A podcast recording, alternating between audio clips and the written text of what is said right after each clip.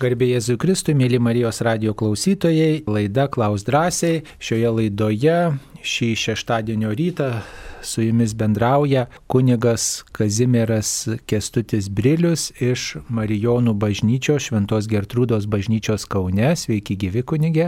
Garbė Jėzui Kristui. Per amžius amen ir aš kunigas Saulis Bužauskas. Ir štai mes turime jau keletą atsiųstų žinučių. Štai viena žinutė kunigui Briliui. Kažkada esu girdėjus jūs kalbant apie išpažinti. Sakėte, kad pasiruošimui užtenka kelių minučių.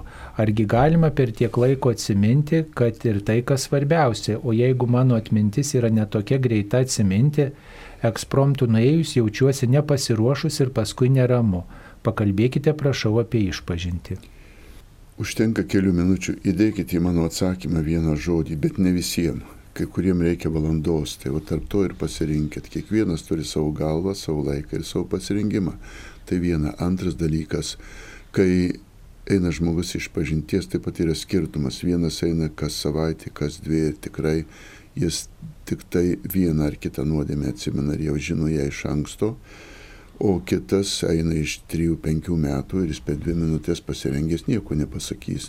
Todėl nereikia pritaikyti vieno skaičiaus visiems žmonėms. Pasirinkimas yra didelis. Reikia minučių ir valandų tiek, kad atsimintum visas sunkiasias nuodėmės ir pagrindinės lengvasias nuodėmės. Kiekvienas pagal savo galvą ir pasirinkimą, pagal savo įprastinę tokią religinę praktiką pasirinka tą laiką. Manyčiau, kad per daug niekada nebus, per mažai gali būti. Tikrai žiūrėkit, kad to laiko nebūtų per mažai ir gerai pasirengtumėte išpažinčiai. Be to noriu pridurti, kad išpažintyje nėra svarbiausias dalykas, ar labai tiksliai, labai daug ir labai visas atsiminsi. Svarbiausias dalykas, ar tu tikrai gailėsiesi už nuodėmės. Tai va ties tuo sustokite. Pirmiau susirūpinkite, kad būtų geras, tikras gailestis, tikras pasiryžimas konkretus taisytis, O jeigu ir užmišai kokią nuodėmę, atleidžiamos visos, jeigu iš vis, visas gailiesi.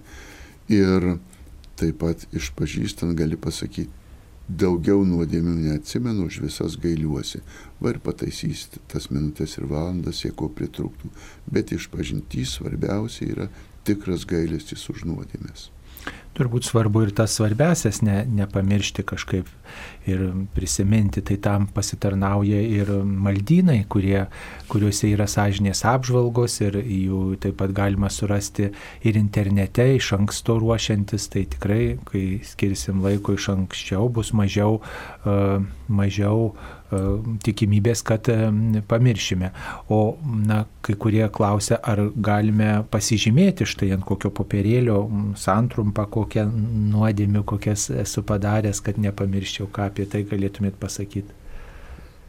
Irgi labai geras dalykas, ypač kada ruošiamasi rimtesniai išpažinčiai. Čia aš kalbėčiau ne apie tas eilinės dažnas, kur išskiriama tos jau įprastinės nuodėmės ir vyksta tiesioginė kova su jomis, bet kada rengiamasi rimta išpažinčiai apžvalginė iš viso gyvenimo, iš kelių metų, iš ilgo laikotarpio, tada iš tikrųjų reikėtų pasižymėti. Arba jeigu išpažintis yra sudėtinga, kartais būna, kad žmogus ateina tartis dėl kokių nors painių klausimų, painios situacijos, ateina ne tiek nuodėmę skaičiuoti, kiek gauti dvasinį patarimą ar tą situaciją kažkokią painę, tada irgi verta pasižymėti kažką konkretaus.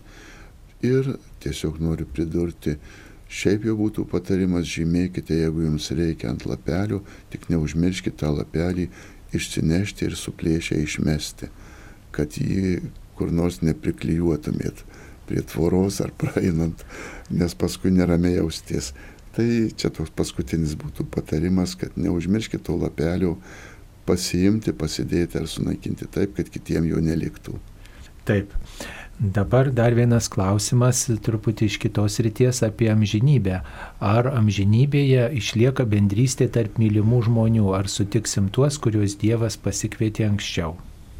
Na, aš noriu pasakyti, kad kai kalbame apie amžinybę ir bendrystę, Tai jeigu mes jau pasiekime tą amžinybę, kurioje yra žodis meilė, bendrystė visada išlieka, būna, jeigu mes pasiekime tam žinybę, kurioje yra žodis nemeilė, neapykanta, tai yra pragaras, ten jokios bendrystės niekada nebus, nes ten nėra mylimų žmonių, yra tik tai pikti vienas kitą kenkiantys žmonės, keršiantys, pykstantys ir taip toliau. O atsakymas paprastai taip, visi, kurie pasiekia Dievą, visus Dievoje rasite. Taip ypatingai tuos, kurie gyveno pagal Evangeliją, kurie gyveno taip, kaip e, Jėzus mokė. Ir tam ir tas tikėjimas skirtas, kad mes turėtume pavyzdį, ką lygiuotis ir mes lygiuodamiesi viešpati Jėzų ruošiamės e, tą dovaną, amžino gyvenimo dovaną priimti ir aišku, ten sutiksime visus tuos, kurie stengiasi Dievui atsiliepti. Dar vienas klausimas yra apie atanazišką tikėjimo išpažinimą. Štai mes visi žinom apaštalų simbolį, apaštališką įtikėjimo išpažinimą, Nikėjos Konstantinopolio tikėjimo išpažinimą, kuris dabar dažniausiai bažnyčiose yra vartojamas, toks ilgesnis negu tas apaštališkasis. Ir taip pat dar yra toks atanaziškasis tikėjimo išpažinimas. Ką galėtume apie jį pasakyti? Na visų pirma, noriu pasakyti, kad jeigu jums reikia tikėjimo išpažinimo ir esate katalikas katalikė, tai naudokitės tuo, kurie, kurį viskupų patvirtinimu kiekvienoje bažnyčioje kalbame, kuris patvirtintas liturgijoje. Visų maldų ir viešųjų apieigų atveju mes, katalikai, privalome laikytis viskupų patvirtinto tiek liturginio maldyno teksto, tiek ir mišiolo maldų, taip pat ir tikėjimo išpažinimo. Taigi tikrai ir reikalingai jūs jau turite, galima pridurti, kad jis vadinamas Nikėjus Konstantinopolio, o jeigu iš tokio religijoterinio smalsumo, tai taip galima atsakyti ir apie šitą.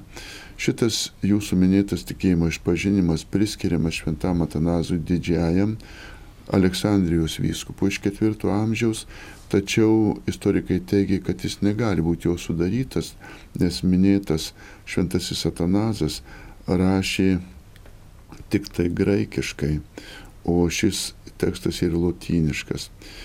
Taip pat tekste yra filiokvė mokymas, kad šventoji dvasia kyla ne tik iš tėvų, bet ir iš sūnaus prieštaraujantis ortodoksų bažnyčios mokymui. Taigi, kaip matote, istorijos šis tas tikėjimo išpažinimas yra tam tikra prasme gerokai paklaidžiojęs ir jo autoris yra nežinomas, bet nebejojama, kad lotyniška versija ir yra originalas pagal įvairias hipotezės, spėliojimus.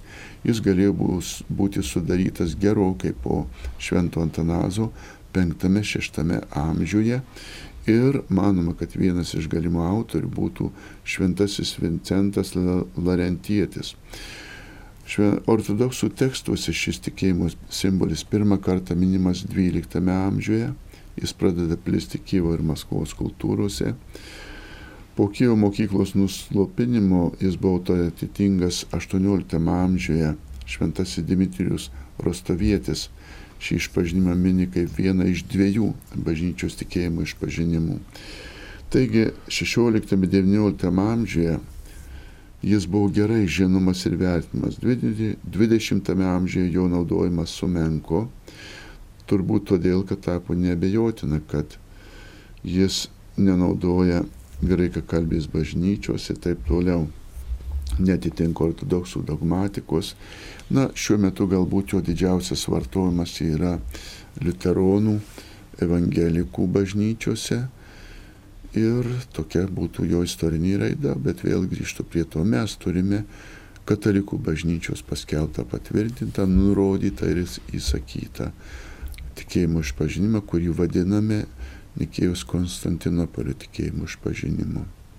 Jis yra dar daug ilgesnis negu tas Nikėjus Konstantinopolio simbolis, nes ten daugiau skiriama, e, reiškia, daugiau teksto yra apie švenčiausiąją trejybę, apie Dievo e, prigimtį e, skiriama tiesiog ir tuo tikslu ir buvo jisai sudarytas tikriausiai, kad pabrėžtų štai švenčiausios trejybės e, tiesą ir m, turbūt tie tikėjimo išpažinimai ir būdavo sudaromi pagal tam tikrų epochų poreikius, kai iškildavo kažkokios erezijos, kai iškildavo nukrypimai, būdavo svarstomi įvairūs tikėjimo klausimai, tai tiesiog būdavo pabrėžiamas vienas ar kitas aspektas, tai dėl to jie yra skirtingi ir nu, skirtingiems tikslams yra vartojami. Jeigu tas mūsų įprastas trumpasis apaštalų tikėjimo išpažinimas tokiais katechetiniais tikslais būdavo vartojamas, tai, tai sakytum, tas Nikėjos Konstantinopolio yra pirmųjų visuotinių susirinkimų mm, jau rezultatas ir bendras rytų vakarų bažnyčioms ir kartu, reiškia, taip mm, išsamei, bet ne per daug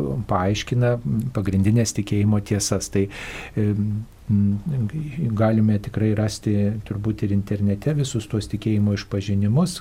Katalikų maldynė yra Nikėjos Konstantinopolio, yra paštalų apaštališkasis tas apaštalų tikėjimo simbolis ir jie vartojami dažniausiai vakarų bažnyčioje, mūsų Romos bažnyčioje. Taip, dabar kitas klausimas. Sutampa gimimo ir mirties datos. Ar tai ką nors reiškia?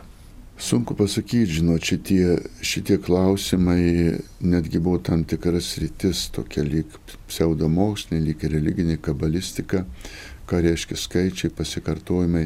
Jeigu jūs domitės matematika, iš tikrųjų tai yra nuostabus lobynas panašių klausimų, ką reiškia sudėti ten visokie fraktalai, ypač ten pradedi nuo mažos lygties įsipaišo visas staltis į margumynų tiesiog e, konkrečiai atsakyti, ką nors reiškia. Manykime, kad ką nors reiškia, bet tai ir tiek, o iš tikrųjų konkrečiai sutampa gimimo ir mirties datos. Vienas Dievas žino, ką reiškia paskutinis skaičius, pirmutinis skaičius ir begalybė. Tai mes tik tai matematikos, fizikos proto proga bandome ieškoti tų atitikimų.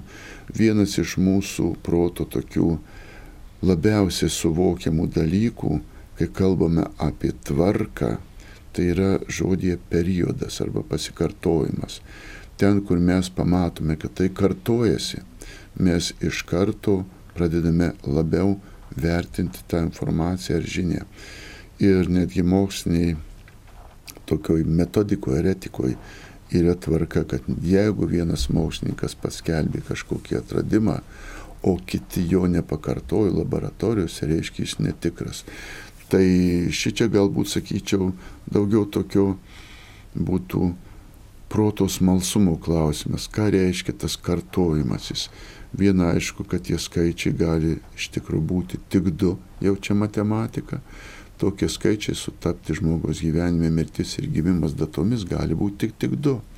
Todėl rimtam mokslo ir atsakymui patys suprantat, per mažas periodas. O jeigu būtų žmogus gyvenęs kokius 5-6 kartus į tie skaičiai sutaptų, tarkim, jau būtų kažkokia taisyklė. Taigi dabar aš darau išvadą iš tos ilgos atsakymo formos. Iš dviejų sutapimų, kuriuos neina pakartoti, mokslo ir taisyklių nedarykim. Taip atsakymė būtų, man ar jums tai nieko nereiškia konkretaus. Per mažas mokslinio požiūrių sutapimas, teologiškai nieko mes nerandam, na palikime jūsų protos malsumai. Galiu tik tai pridurti, yra ir įdomesnių atsikartuojančių sutapimų, tai įvairūs fraktalinės lygtys, įvairius ten skaičių ten atsikartojimai. Tai jeigu domitės matematiką, krypkite į tą pusę nu, va, tokio tikėjimo žvilgsniu turbūt žmogui rūpi, a, reiškia, nu, ar tai galima kažkokias išvadas daryti. Turbūt gimimas žemėje tai yra pirmiausiai mūsų žemiško gyvenimo pradžia, o čia mirtis tai mūsų amžinybės tokia pradžia, kai gimimas dangui tarsi. Tai e, tik tiek turbūt. Galėčiau pridurti vieno mokslininko žodžiais apie tuos reiškimus. Jūs žinote, kad mūsų visata ir mūsų kūnas didžiai dalimi, ta gyvybė priklauso nuo daugybės mažyčių atomų. Ir vienas iš jų tokių pagrindinių anglies atomas, kuris labai jau ten savotiškas yra. Ir vienas mokslininkas yra pasakęs, kad visoje visatoje, kiek tik yra anglies atomų, nėra nei vieno atsitiktinio. Taip kad ir čia galima to mokslininko žodžiais pasakyti.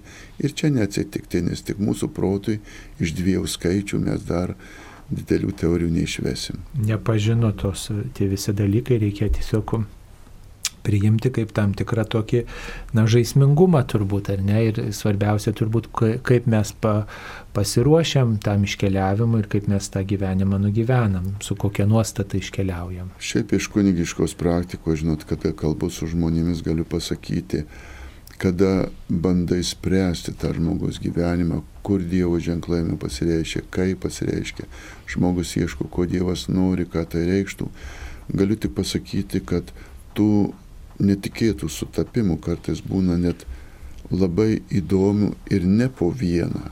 Ir tada, žinot, klausimas jau rimtesnis būna, ką tada reiškia, kai žmogaus gyvenimas tampa 2, 3, 4 skaičiai, keli ženkliai, ten datos ar laikas, ar, ar e, vardai, tai sakysim, va, lieka neatsakytas iki galo klausimas. Mes visada tą galutinį Dievo planą ir išminti tik spėliosime. Tačiau pasakysiu, kad tai yra įdomu. Na, pasikartojimai apskritai tai turi tokią pabrėžimą, kad tai va, tas dalykas ypatingai svarbus, vienas ar kitas pasikartojimas, pavyzdžiui, šventam rašte, liturgijoje tie pasikartojimai reiškia, tas dalykas iš esmės yra svarbus, reikšmingas kaip toks. Na, aš noriu, noriu priminti tokį liaudės humorą.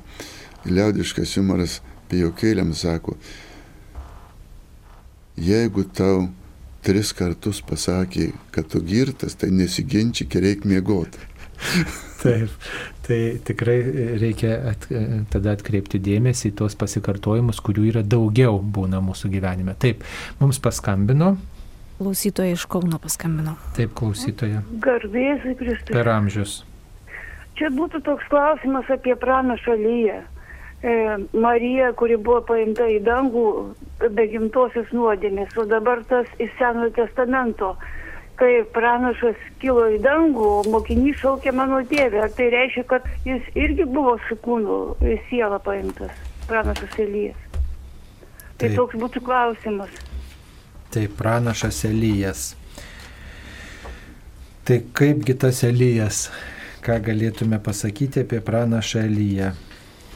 Na, visų pirma, aš norėčiau pasakyti, kad abiejais atvejais, kai jis ir su kūnu, ir dar galim pridurti ir su sermėga, ir su paltu, ir su lietsargiu, buvo paimtas į dangų. Tiesiog iš tų senų laikų labai daug žinių mus pasiekė su tuo vadinamu biblisnio stiliaus literatūriniu įtaigumu, papuošimu. Ir iš tokių atsakymų mes labai supaprastinam dangų įsivaizduodami, kad jis ten paimtas su kūnu, paprašė Mariją pasislinkti ant suolo ir dabar abu sėdi šalia. Tai tiesiog šalia Dievo motinos mergelės Marijos, kurie turime savo tikėjimą katalikų bažnyčia liudija ir iš tradicijos, ir iš, iš dogmatinės teologijos, ji tikrai buvo paimta į dangų su kūnu. Tačiau apie pranašą Elyją Taip mes iš švento rašto turime tais žinias, tuos nuostabumus, tačiau iki galo tai nėra liūdima ir patvirtinta, kad jis ten su kūnu ir taip toliau, ar į dangų tiesiai, ar į dangų ten su tarpinėm stotelėm ir taip toliau. Neužmirškite ir tą dalyką, kad Dievo veikime nemaža šventųjų persikeldavo iš vienos vietos į kitą, tuo tiesioginiu būdu, reiškia, nekeliaudami žemė. Tai ties pranašu Elijų atsakome taip. Tokio tikslaus ir aiškaus atsakymo iš švento rašto mums nėra duota. Čia būtų gal atskira speciali studija, kurioje reikėtų nagrinėti kalbinės struktūras, tas išraškos ir simbolinės struktūras. Nes dar pridursiu, lietuvių kalba nuo tų senųjų kalbų, aramėjų, hebrajų, sirų, yra labai ir labai skirtinga. Ir ten, sakysim, tie įsireiškimai kai kur išversti tiesiai lietuvių kalbą ir yra išversti atgal atvertus sirui ar kokiem ten e, hebrajų senų laikų būtų nesuvokiami. Tai likime prie to, kad ties panašu, jog Dievo veikime pranašas Elijas buvo paimtas pas Dievą, aš tai pasakyčiau. Ir kiek tai, kokią formą, liko tas kūnas, neliko, ar tik tai regimo būdu ta siela jo pas Dievą išėjo. Manyčiau, kad neverta labai tikslint. Pasilikime prie to, kad Dievas pasiima visus savuosius, kai kuriuos tiesiogiai, o visus kitus per tuos mirties vartus išganimo keliu atves iki savęs, o vėliau pasims ir kūną. Apie formą, metodą ir būdą, tai yra Dievo virtuvė, mes negalime žiniuoti. Aš iš savo pusės konkretinčiau, kad šis įvykis, kurį jūs paimate, nėra toks konkretus, kad jį reikėtų tapatinti tiesiogiai su Dievo motina mergelė Marija. Na čia tiesiog pirmoji ir antroji karalių knygoje yra pranašo Elijo istorija ir tas jo epizodas apie jo mirtį pasakojama antrame puslapyje, tiksliau ne apie mirtį, bet apie tą paėmimą vežime. Kaip tik tai apie mirtį ne, neusimenama, kad Elijas E, nei mirė, nei nemirė. Tiesiog nu, va, buvo paimtas į dangų tokiu būdu, norima pabrėžti turbūt jo tikėjimą, jo tokį gilų ryšį su Dievu prieš tuos visus stabus, e, kurie na, jį supo ir prieš visus žinius, kurie va, irgi savo galę demonstravo. Tai e, toks tvirto tikėjimo vyras, pranašas, kuris liūdėjo ištikimybę Dievui ir kad na, tas jo likimas lieka paslaptis paslaptimi, nu, ne, ne per, ne, šventasis raštas taip na, persikėlimu į dangų apibūdina, paėmimu į dangų jį apibūdina tam, kad pabrėžtų, jog tų ištikimųjų e, likimas, ištikimųjų ta dalė yra viešpaties ypatingai e, na, priimama, vertinama ir kad kaip ir mergelė Marija, kuri buvo visiškai paklusni Dievui, ji taip pat e, atvira Dievo veikimui buvo, ji taip pat su kūnu ir siela paimta į dangų. Tai toks sugretinimas gal jis ir turi prasme tuo požiūriu, kad e, štai kas laukia tų ištikimųjų, kurie Dievo, Dievą myli, Dievą vertina, Dievą gina, kad na, jie yra tokie prisikėlimo tarsi liudytojai mūsų istorijoje. Ir visi turbūt tie, kurie dalyvavote, pavyzdžiui, net ir tokių gyvai tikinčių žmonių laidutuvėse, jų artimųjų laidutuvėse, tai tas mirties šešėlis, net ir matant tą mirusio žmogaus kūną, taip ne, neslegia. Tada kaip tik tai švenčiamas gyvenimas, dėkingumas Dievui už žmogaus kelionę. Tai, o ypatingai tie vat, iškilus tikėjimo žmonės, kurie pagal tikėjimą gyveno, tai jie, jie ypatingai yra tie tie e, žmonės, kurie rodo visų savo gyvenimu, visais savo žodžiais į viešpatį ir e, tas jų likimas po mirties na, lieka tokiu įstabiu ženklu mums, kaip va šventasis raštas apibūdina Elijo gyvenimą arba apie Mariją nutyli visai, bet ta, ta paslaptis kaip tik tai liūdija na, Dievo veikimą, ypatingą Dievo veikimą tų žmonių gyvenime. E, aš tiesiog pridurčiau, kad akcentuoju vis tiek tą išraiškos formą. Žiūrėkit, mes dabartiniai kalboje, lietuvių kalboje turim tokią naują poetišką išraišką apie mirtį, sako, gimė dangui. Tai įsivaizduokite dabar tą situaciją, kokia yra žmogaus fantazija. Guli prieš tave, kaip sako, lavonas, brangus, mielas, ar ten taip toliau, ar taip toliau ir užkas į žemę, o mes vartuom ir gimė dangui tą ir tą dieną. Tai įsivaizduokit, kaip tai yra toli nuo realybės. Tai nenustepkite, kad Elijas nušvito ir su vežimu išvažiavo virš kalnų kažkur tai, kai mes patys stovėdami prie karsto su dar nepalaitų žmogum sakom, jis gimė dangui tą ir tą dieną. O čia yra toks pailistruojamas plotis tų įsireiškimų, kuriuos vartojame. O dar jeigu pagrįžti kelis dešimt metų atgal, žiūrėkit, vos neįtikino 16 pavergtų valstybių, kad atėjo Leninas visiems laikam ir jis gyvas amžinai. Leninas nemirė, Leninas su mums žiūrėkit iki kokios stabmeldystės mums teikia tą nemirtingumą. Tad dar kartą akcentuoju, palikime vietos tą tyrinėtam, būtent lingvistinė, istorinė prasme, kokie talpus tie mūsų fantazija paremti žodžiai. Ir remkimės prie to, ką jau po visų tyrimų paskelbė katalikų bažnyčia, tikėjimui, kalbu apie, jūs pati kalbėjote apie mergelę Mariją. Čia būtų toks išplėstinis atsakymas, kad konkretumo dėl mirties, kaip minėjau, kunigas nėra, lieka įvaizdžio klausimas. Taip, toliau e, atsakome jūsų atsiųstas žinutės mišių pradžioje vyskupui ar kunigui pabučiavus altorių prasideda Kristaus kančios ir mirties sudabartinimas. Ar nereikėtų įspėti tikinčiuosius, kad pratarus kokį skelbimą ar sveikinimą jie neužsiimtų aplodismentais, nes mišiuose tai nedėra, nebent joms visiškai pasibaigus. Jei eidami kryžiaus kelią po vienos ar dviejų stočių sugalvotume paploti, patriukšmauti, po to toliau eitume Jėzaus kančios keliu, kaip tai atrodytų visi geri dalykai tik savo vietoje ir savo laiku. Paskutinė išvada atsako į viską. Visi geri dalykai savo vietu ir savo laiku ir daug dievė, kad tie kunigai tik tikintieji būtų tiek išmintingi, kad šito nesupainiotų. Ir prastų dalykų net neštų į gerą vietą, o gerų dalykų į prastą. Manau, pasitikėkime išmintimi ir puoselkime tas tikrai išmintimi paremtas tradicijas tarpusavį, o liturgiją prižiūri liturginė komisija, tikiuosi, nepražiūrės, jeigu kartais ir koks kunigėlis supainiojas prastų dalykų atneštų gerų vietą. Tai va labai gerai jūsų išvada, visi geri dalykai tik bus puoselimi ir palaikomi. Nuplojimai turbūt išreiškia irgi žmonių tam tikrą nuo laikyseną, aišku, jie galbūt nepriimtini tiems tokiems griežtesniems žmonėms, kurie įpratę prie susikaupimo rimties, kuriems džiaugsmas liturgijoje toks nepriimtinas yra. Bet turbūt net ir psalmės yra šokite, plokite, e, šlovinkite.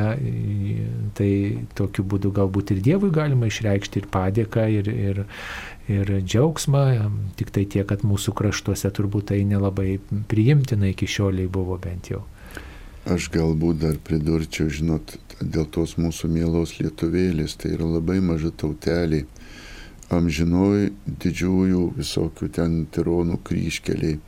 Ir šis laikmetis, kuris atvėrė dar daugiau, padarė kryškelę turbūt kiekvieną tautą, padarė tai, kad per mus šniuote šnioja, kaip viesulai uraganai šiukšlės ir, ir, ir, ir gerus dalykus neša įvairiausių tautų kultūra ir ji pasiekia ir bažnyčią. Šiandien tikrai ačiū už rūpestį ir jūsų, ir visų rūpestis te būna ir te išlieka, kad mūsų ta dvasinė kultūra nebūtų užnešta besąryšio keliaujančiom, be šaknų, be istorijos, be, be kažkokio tai logiško pagrindimo kultūrinėm šiukšlėm. Viena, kas yra puoselima ar tinka, sakysim, Afrikos tautoj, kas tinka Azijos tautose, visa kita gali netikti ar netitikti šiaurietiškų tautų. Čia norėčiau priminti vieno žymaus rusų humoristo įspūdį, anegdotų pasakotojas Berots Zadornovas atvažiavo, reiškia, į, į Estiją, šiaip jis visur, kur pasako anegdotus, vis tiek kvatuojasi, krinta nuo, nuo suolų, reiškia, atvažiavo į Estiją, juokina, juokina, juokina, juokina. Valandą antrą pavargo žmogus jau tiesiog be sąmonės kris. Nu ir pabaigoje, reiškia, jau tie šypsosi. Pasveikina jį, sako, nu tu mus ir prajuokinai, žinai. Ir jis suprato, kad ten, kur slavai juokiasi, kvatojasi, ten, reiškia, estas tyli. O kai jau estas nusišypso, reiškia, jis kvatojosi visą gerklę. Taip ir čia su šitais dalykais mus pritrenkia, kad bažnyčioje ten ploja, ten kažką džiaugsmingai reiškia, mes šiek tiek panašus pabaltiečiai visi, esam ramus ir jau, kaip sako, balsus įsijuokia tik kas dešimtas ir tai taip nelabai garsiai. Tai manau, kad šita kultūra nėra smerktina, yra puoselėtina, kad išsaugoti mūsų jautrumą toji tyla, santūrumas kartu yra ir kitas dalykas - išsaugo jautrumą. Jeigu mes stengsimės viską išrėkti, išaukti, išploti, ištrepsėti, labai greitai šiaurietiškų lėtumų mes išeisime į paviršutiniškumą. Tai manyčiau tikrai verta nekartą svarstyti, kiek ir kaip mūsų ir liturgija, ir mūsų bendravimo kultūra turi pasiekti tos be šaknų atkeliavę formos. Galbūt mums reikėtų labiau atsigręžti į mūsų kultūrinis formas. Važiuokit, pridursiu vieną dalyką. Po šitų virusų papirusų sunaikinta vos likučiai liko senos tradicinės mūsų sveikinimo kultūros.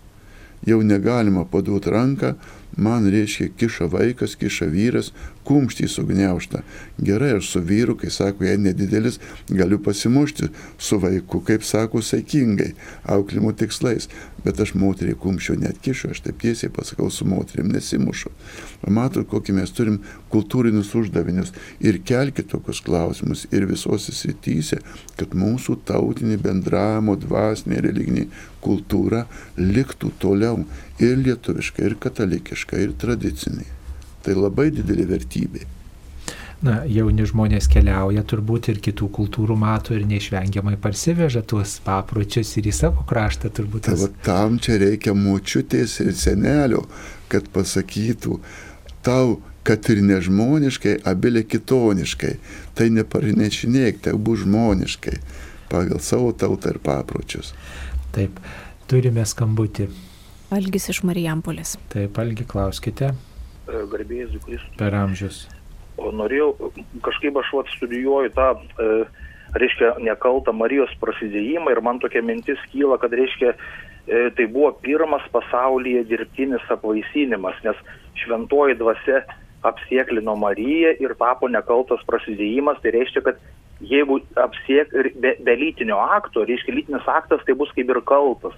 O jeigu, reiškia, apsieklina kaip Marijai, tai reiškia kaip nekaltas.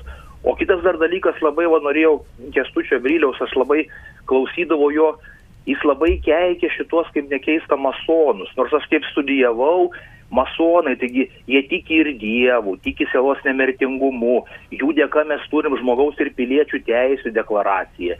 Jie kovoja už liberales idėjas, net Lietuvoje, atsimenu, toks yra Vladas Jurgutis, kunigas buvo masonų ir Donatas Malinauskas, signataras buvo, reiškia, masonas. Ir, reiškia, ir tuos masonus naikindavo dažniausiai totalitarinės sistemos nes jie kovojo už liberalizmą, demokratiją, bolševikai, nacijai naikino, taip pat inkvizicija naikino masonus. O jis tai pasakoja, kad, reiškia, masonai labai blogai, reiškia, labai nusikalti, nu kažkaip tai net keista, aš, nu, nežinau, iš kur toks obskurantizmas kažkaip, ar kaip čia pasakyti, kad žmogus, reiškia, nu, jeigu, je, jeigu reiškia liberalus, tai jau masonas, tai jau blogai. Taip, Nors... aišku, supratom. Ačiū Jums, ačiū. Tai dabar nuo ko griebėm? Nuo Marijos ar nuo masonų? Nu tai gal kaip, kaip jums atrodo geriau? Žiūrėkit, čia buvo įdėta trečias dalykas - liberalizmas. Aš iš karto noriu nurodyti Bernardinai, bernardinai.lt puslapyje yra nesena visai labai gera studija apie liberalizmą. Ir ten m, tikrai be jūsų kartotų liaupsių labai atvirai atidengia rimtas filosofas, tarp kitko ir lietuvis, nagrinėja liberalizmo tuos du veidus. Ta gerąjį, kuriuo pasirodo, ir tą antrąjį veidą, kuriuo jėga ir klasta tą savo gerumą visiems kiša. Tai dėl liberalizmo tiesiog norėčiau nurodyti tikrai labai šiuolaikiškas geras straipsnis Bernardina LT. Ten pažiūrėkite dabar grįžtant prie mergelės motinos Dievo motinos mergelės Marijos ir to, reiškia, nekalto pradėjimo, e, šitie terminai ir šita fiziologija, kurią jūs paminėjote, nėra tikėjimo srityje ta prasme, kad atsakytų, kaip tai Dievas padarė. Todėl apvaisinimas kaip toks suprantamas vienu dalyku, kuris yra neatšaukimai būtinas. Tai yra būtina kito žmogaus ar aplamai žmogaus genetinė sėkla, genetinis kodas. Reiškia, tokiu atveju tai būtų iš nežinia kur pasirodžiusio žmogaus ar atsiradusio žmogaus apvaisinimo aktas. Ne, katalikų bažnyčia šito dalyko nepatvirtina ir pasilieka prie tos teologinės išraikos šventai dvasiai veikiant. Lygiai kaip mes negalime nusakyti šventos dvasios veikimo bet kurioje srityje. tiesiogiai, kokiu mechanizmu įveikia, kokiais ten fizikiniais dėsniais įveikia. Taip lygiai ir šitos rytyje atsakymas - ne, tai nebuvo dirbtinis apvaisinimas. Tai buvo apvaisinimas stebuklingų būdų šventai dvasiai veikiant ir jokių ten fiziologijų, e, kaip čia dabar supranta tuos dalykus, nebuvo. Ir tituluoti kad tai buvo pirmas atliktas dirbtinis apvaisinimas katalikų bažnyčios mokyme, niekur šito nėra. Ne, tai nebuvo nei pirmas, nei paskutinis dirbtinis apvaisinimas, tiesiog Dievo kuriančia galia ypatinga viena žymė. Tai yra Dievas gali pasireikšti kurdamas iš nieko, tai yra nepanaudodamas mūsų žemiškų resursų, nei prigimtinių, nei gamtinių. Šituo atveju dėl mergelės Marijos nekalto prasidėjimo liekame prie slėpinio, tai yra tikėjimo slėpinys, kurį mes protu pasiekti nepajėgime, kaip tai Dievas padarė, šventai dvasiai veikiant, tai viena.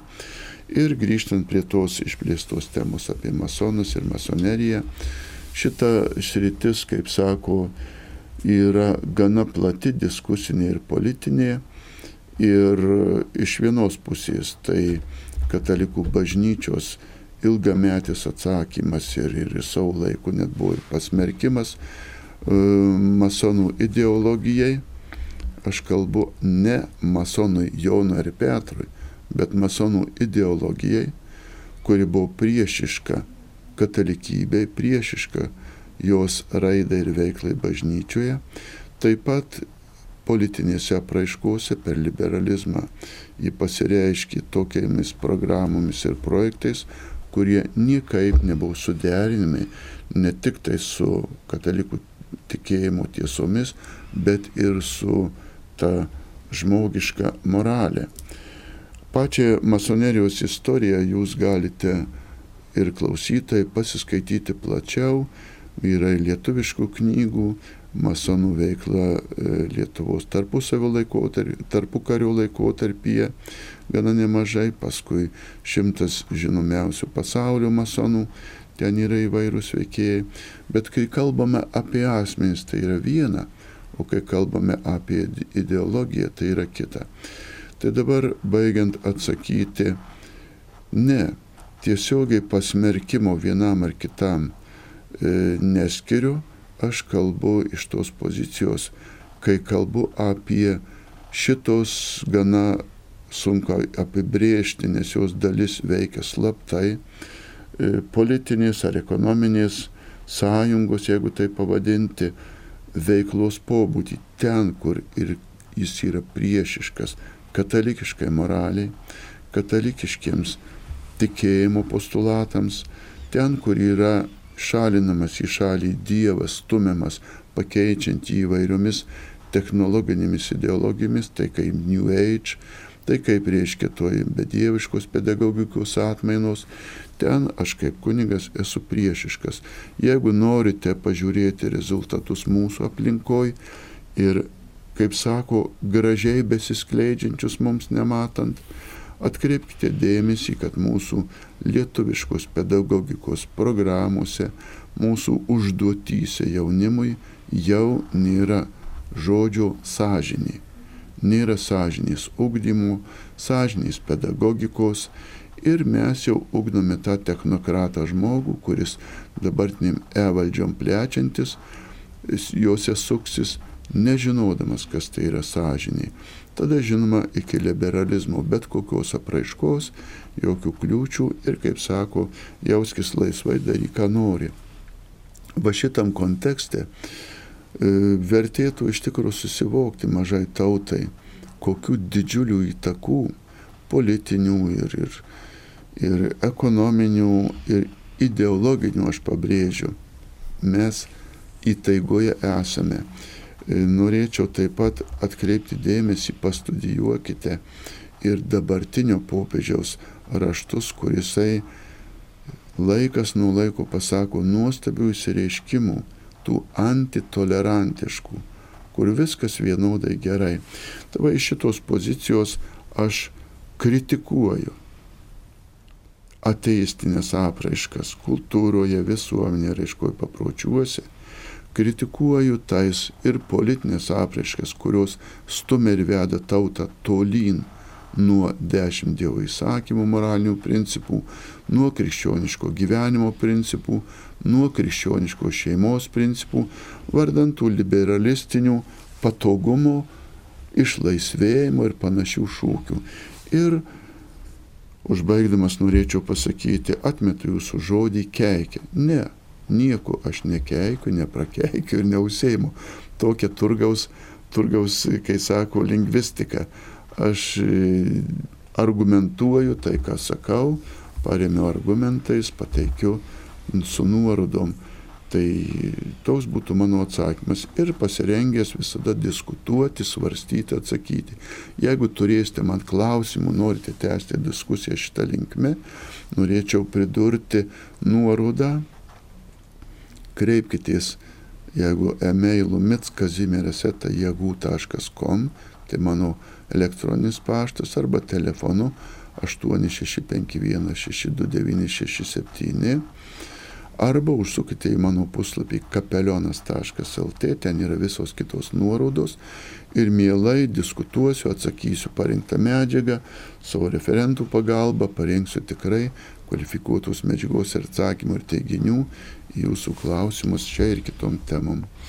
Aišku, truputį toks netikslumas yra pasakyti, kad masonus persekiojo mm, e, inkvizicija, nes mm, masonai iš 18 amžiaus iškia, kilo Anglijoje, kur nelabai ir veikė inkvizicija, neveikė turbūt inkvizicija Anglijoje. Vienas dalykas, antras dalykas, masonų tas pagrindinis dalykas, kad jie prieš Kristų, prieš krikščionybę, prieš Kristaus gerbimą, prieš pagarbą jam, prieš jo laikymą Dievu yra nusiteikę ir na, ypatingai jau tie aukščiausi masonų sluoksniai tą reiškia atvirai kažkaip pabrėžia. O turbūt jų yra ten skirtingi lygiai ir jeigu vardėje čia pavardėjom, kad vieni ar kiti priklausė, tai turbūt irgi skirtingiems lygmenėms priklausė tie, tie žmonės. Tai m, turbūt yra to buvę, bet kita vertus reikia pasakyti, kad su krikščionybė tai nieko neturi bendrą pakeliui, negalim dėl to mes ir pritarti šitai ideologijai, tai dėl to mes ją ir atmetam kaip po netinkamą krikščioniui. Va, Tai o dėl Marijos nekalto prasidėjimo, tai su lytiškumu turbūt nereikėtų to sieti ir tai yra didysis, turbūt didžioji klaida, kai, kai žmonės, reiškia, Marijos nekaltą prasidėjimą sieja su lytiškumu, tai yra e, gimtoji nuodėmė, nėra e, lytiškumo nuodėmė, tai yra nepaklusimas Dievui, e, tai yra sukilimas prieš Dievą, Dievo plano atmetimas, troškimas gyventi ne taip, kaip Dievas kviečia. Va, va tai yra gimtoji nuodėmė nuodėmė. Tai yra tas pirmas nepaklusimas Dievui, pasirinkimas e, gyventi ne taip, kaip Dievas kviečia. E, ir Marija priešingai jinai buvo visiškai klusni tuo požiūriu, tai jinai apsaugota nuo šitos nuodėmės buvo e, Kristaus nuopelnų dėka ir tai yra... Čia, čia buvo kalbama apie nekaltą pradėjimą, Kristaus pradėjimą šventoje dvasioje. Taip, bet tai ir Marija dėl to ir, reiškia, galėjo tą pradėti Kristų nes jinai visiškai buvo klusni Dievui ir tas klusnumas viešpaties veikimui na, buvo jos gyvenime vat, ta sąlyga, kad galė, galėjo priimti Dievo sūnų į savo gyvenimą. Tai turbūt yra susijusi, susiję dalykai. Taip, toliau bandom atsakyti jūsų klausimus, kuriuos jūs atsiunčiate. Kaip suprasti šventų mišių aukos užprašymą pas kunigą, jei pats melžiuosi šventose mišiuose ir jas užperku ir juose dalyvauju ir jei negaliu dalyvauti, o tik kunigas meldžiasi. Tai maždaug koks skirtumas. Na visų pirma, šventų mišių auka tai yra auka, kurią tu pasidalini ir visų pirma tarsi atiduodi savęs dalį Dievui, kad gautum visą begalinį Dievą, maždaug tokie yra aukos mainai. Kartais mes labai privedame prie kainos Ne, tai iš tikrųjų auka buvo padaryta Kristaus tėvui auka, Dievui auka už mūsų nuodėmės atiduodant visą save kaip Dievą, kaip žmogų. O mūsų dalyvavimas atpirkimo aukoje yra šita forma, gali tai būti darbu, išmalda ar pinigais, ar kažkokiam atgailos formomis. Ir ta priimtina vadinama auka užmišęs, tai yra tas pats aukos įprasmės tokiu būdu, kad tu atiduodi dalį savęs, kad Dievas atiduotų tau visą save. Auka, pati šventų mišių auka, visada yra bendruomeninė. Šventų mišių auka popiežiaus teise visada yra bendruomeninė ir joje yra maldos ir bendruomeninė intencija, ir asmeninė intencija, ir kunigo intencija, ir popiežiaus intencija. Todėl, ką tu meldysi bažnyčioje asmeninė, tai vienas dalykas, toliau tavo užprašyta auka kurie išreiškime bažnyčių, pasakote už Jono, Petro vėlę arba aukoto intenciją, tai yra prašymas bendruomeniai, kad jie šalia savo asmenys aukos pasimelstų už tave išskirtinai.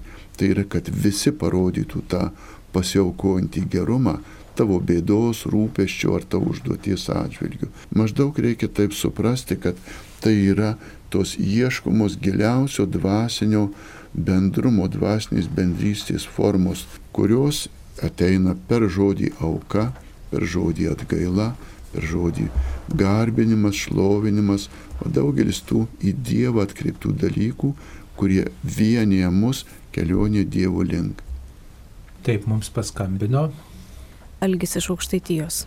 Taip, klauskite. Garbė Kristui. Per amžius. Noriu paklausti, man teko matyti Romų tautybės namuose Marijos paveikslų ir šiaip skulptūrėlių.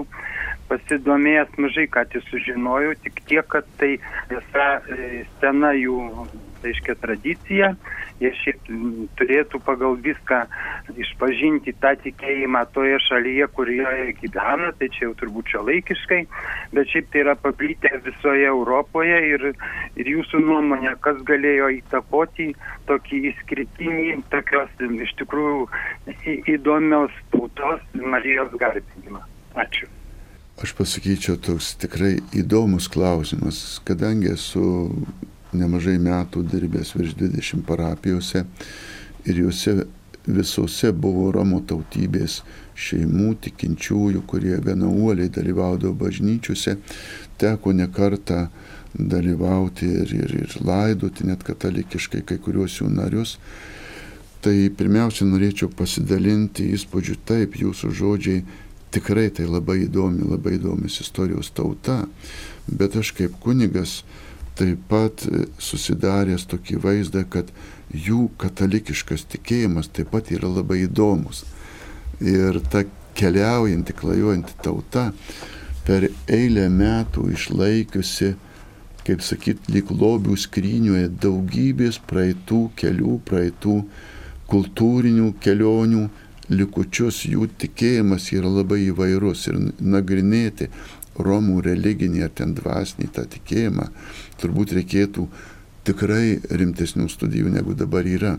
Norėčiau pasakyti, kad kol kas tai labai paviršutiniškai naudojama, nagrinėjama kultūra, nors labai sena, labai, labai savotiška. Ir jų katalikybė, pasakysiu, man kaip kunigui tokia truputį sušypsena, nes ten telpa ir Marija, ir Jėzus, ir daugelis kitų dalykų ir labai gali būti karštos maldos bažnyčioj, kaip jau koksai, kaip sako, čigonas ima smarkiai melsis, tai geriau arti nestovėti. Jis ten ir mosuoja, ir, ir šokinėja, ir kilnojasi taip toliau. Tai labai jausmingi žmonės, bet džiaugiuosi visada tuo dalyku, kad jų yra tikrai labai tikinčių, labai tikinčių, gal ne visada teologiškai. O kas kaip ir iš kur jiems įtaigiai padavė mergelės Marijos paveikslą ar išmokė maldos, reikėtų tiesiog irgi su džiaugsmu dėko Dievui, kad atsirado tokių kateketus, sakyčiau, tokių įdomių, kurie sugebėjo šios, šios tautos kultūrai perduoti krikščioniškas vertybės, gal ne giliausius teologinius dalykus, tačiau jų dauguma nešioja kryžių, jų dauguma nešioja medalikėlius, ypač mėgsta, kai jie yra auksiniai, čia jau jų savybė. Ir tikrai dauguma jų, jeigu turi Marijos ar krikščioniškus atvedus šventuosius, juos meldžiasi su pagarba ir savo tikėjimo supratimo. Ir baigiu atsakydamas tikslaus ir konkretaus atsakymų, kada ir kiek krikščionėjų Romų tautos, žmonės įvairiose tautose neturime, nes iš tikrųjų per mažai atliekama tyrimų jų kultūros, jų istorijos dalykuose. Kartu primenu, kad tai labai daugelį tautų nukentėjusi etninė mažuma einant per istoriją, labai skriausti žmonės ir kultūriškai, ir netgi materialiai, fiziškai. Tai, kaip sako popiežius šio laikinis popiežius Pranciškus, dabar ypač akcentuojantis dėmesį migrantam, migruojančioms tautoms, kultūroms, manau savotiškai duoda ir mums, mūsų tautai nuorodą. Atkreipkite dėmesį, kad tai sena tradicinė jau, bet migruojanti migrantų tauta kultūra. Ir ragina tikrai jų atžvilgių būti krikščioniškais, katalikiškais, jų daugiau globėjais, padėjėjais pagal palaimintą Jurgį Matulaitį, jeigu ką ir blogą patirime iš jų, tai tą blogą įveikime gerumu, dalindami tai, kas gera, pirmiausia, dalindamisi Dievu. Ačiū. Dabar dar vienas klausimas apie knygą, kuri, gal galite rekomenduoti kokią nors knygą, kuri, kurioje būtų rašoma apie bažnyčios tėvus ir šventuosius Tai kaip tik tai tokia knyga neseniai pasirodė, išleista katalikų pasaulio, katalikų pasaulio leidyklos. Ta knyga vadinasi Kai bažnyčia buvo jauna. Marcelino Ambrozijo, man atrodo, toks autorius yra. Ir ten rašo apie bažnyčios tėvus, kurie mm, štai pirmaisiais amžiais e, grinino tikėjimą ir su kokiom erezijom susidūrė, su su, su kokiais pavojais e, susidūrė, yra ir jų ištraukų iš jų raštų ir taip pat kokios jų buvo pamaldumo tradicijos, tai tikrai pati šviežiausia knyga neseniai pasirodžiusi. Yra taip pat šventųjų gyvenimai, kuriuose taip pat galima rasti e, iš biografijų, e, šventųjų biografijų iš bažnyčios tėvų pirmųjų amžių gyvenusių žmonių istorijų. E, na, dar viena tokia knyga, turbūt anksčiau pasirodžiusi buvo e, bažnyčios tėvų raštai, tokia antologija. Tai čia jau seniau, jau ją turbūt bibliotekose galite rasti. E, nebent kunigė dar ką pridėsit. Tai jeigu norite labai rimtai į šitą klausimą, tai, yra tokia teologinė disciplina patrologija. Vad, ženkit į tą pusę ir mažai nepasirodys. Ir lietuvių kalba gal ne tiek daug, bet lenkų kalba labai daug, kitomis kalbomis. Tai pradėkite ieškoti patrologiją, bet kurią kalbą, kurią galite pasiekti ir jau mažai nepasirodys. Ten bus ir apie pačius autorius, senuosius tėvus, ir apie jų veikalus, jų, jų esmę, tuos dalykus. Tai tikrai atskira teologijos sritis labai gili, labai plati.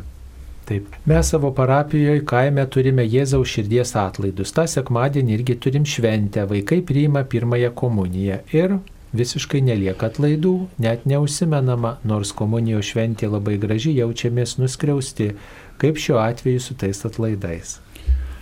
Nebūsite nei kiek nuskriausti, jeigu pasirengsite savo sielą priimti atlaidų malonę Tai reiškia, neturėsit sunkios nuodėmės, dalyvausit mišiuose, priimsit komuniją ir sukalbėsite popiežiaus intenciją arba atlaidų intenciją poterėlį tada visa Dievo malonių gausa pasieks jūs. Net jeigu ir kunigas neusimins, noriu žinoti, kad tą dieną yra Jėzaus širdies atlaidai. Atlaidų sąlygos bendrusios visada galioja bendriems atlaidams, specialiems atlaidams, jos būna specialiai paskeltos. Todėl bendromis sąlygomis nesvarbu, kad vaikai ir labai trukdė, jūs Dievo malonės gauti, jeigu tik tai priimi šventą komuniją, malonės stovyje ir pasimeldėt popiežiaus intenciją. Tikrai atlaidai jums užsiskaitė.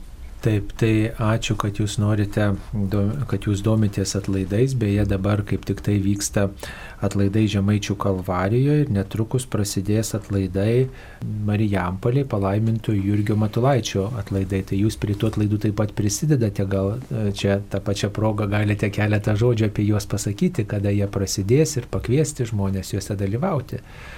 Taip, Marijampolė ateinantį sekmadienį Liepos 5 pradedame, Liepos 12 baigiame labai nuostabius Dievo malonių gausingus atlaidus ir su dideliu smalsumu stengiamės organizuoti. Iš vienos pusės e, esame išsigandę, ne, ne virusų, esame išsigandę kitų baimių, kiek jūs bijosite į atlaidus važiuoti. Tai spėliojame, kaip čia bus, ar kalbėsime tuščiuose bažnyčiuose, ar sulauksime svečių. Šių atlaidų galbūt tokia mintis, mes stengiamės, labai stengiamės stengsimės išlaikyti tradiciją, net jeigu žmonių būtų mažiau. Tačiau atsižvelgiant į visas aplinkybės, visus kviečiame dalyvauti palaiminto Jurgio Matulaičio atlaidų savaitės iškilmėse, atlaidų tvarką rasti internete, taip pat parapijose padalinta ir rasite puslapyje e, Marijampolės bazilika, Švento Arkangelo Mykolo parapija, atlaidų tvarkaraščiai, taip pat bažnyčių skelbimuose nuo ateinančio sekmanio Liepos 5 iki Liepos 12, kiekvieną taip pat e, šiokiadienį, šventos mišios pagrindinės 12 val. nu ir visi kiti renginiai. Dalyvaukite, pelnykite malonės savo, o ypač kurių reikia tiems, dėl kurių melstės jūs, kurie bažnyčių nepasiekia. Manau, kad šiuo laiku yra svarbus dalyvavimas atlaiduose tų uoliųjų, ta prasme, už neinančius į bažnyčią, už jos nepasiekiančius. Kai kurie sako, va buvo mažai žmonių, bet aš sakau, bet kokie jie reikalingi šitie mažuma, kad už tuos, kurie jau nepasiekė bažnyčios, iki paskutinio melstus ir maldautų Dievą. Tad žinokite, kuo bus mažiau, tuo melskitės karščiau. O kai melstės karščiau, tada bus ir daugiau.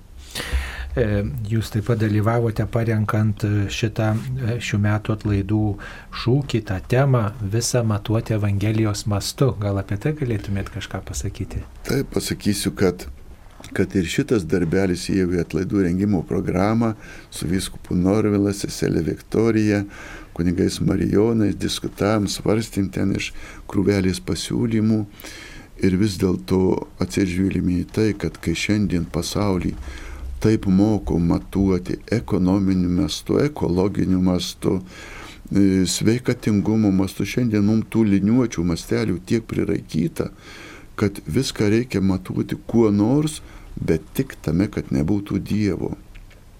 Todėl ir apibendrina tą pastoracinę atlaidų idėją mintį, kad visą matuoti Evangeliją šiandienime sudėtingime pasaulyje, šiandieniai situacijai ir to nuodėmingo žmogaus, ir tos vargstančios bedivybėje šeimos, byrančios, įrančios į visus siūlės braškančios, ir pagaliau tos bažnyčios akivaizdoje, kuri taip pat išgyvena tam tikrą pašaukimų krizę, tam tikrą vidinių problemų krizę, e, mažėjant kunigų vienuolių skaičiui visą tai pamatuoti nesėkmės, nepergalės, ne jėgos, naudos, ekonomikos ar politikos mastais, prie kurių mus nuolat pratina, bet pamatuoti Evangelijos mastu. Tai, man net sakyčiau, asmeniškai darosi nepaprastai įdomu, kaip pamatuoti Evangeliją. Šiandienos tos mūsų kosminius greičius, elektros kilovatus, tos mūsų patogumų virtinės, kurias susidėjom, nepaliekant juose Dievo, o pabandyti pamatuoti evangeliniu mastu. Netgi jeigu reikėtų pagalvoti, ką reiškia, kai sutampa du skaičiai - gimimo ir mirties, o iš tikrųjų, ką reiškia evangelijo, evangeliniu mastu, ten irgi yra skaičiai, sako, jūsų visi galvos plaukai suskaičiuoti. Tai paim, suskaičiuok likusius ant pakaušio plaukus ir paklaus Dievą tiksliai tiek, ar dar trūksta. Va, pamatuoti evangeliniu mastu viską. Tokia atlaidumo mintis. Tai dabar truputėlį padarysim pertraukėlę.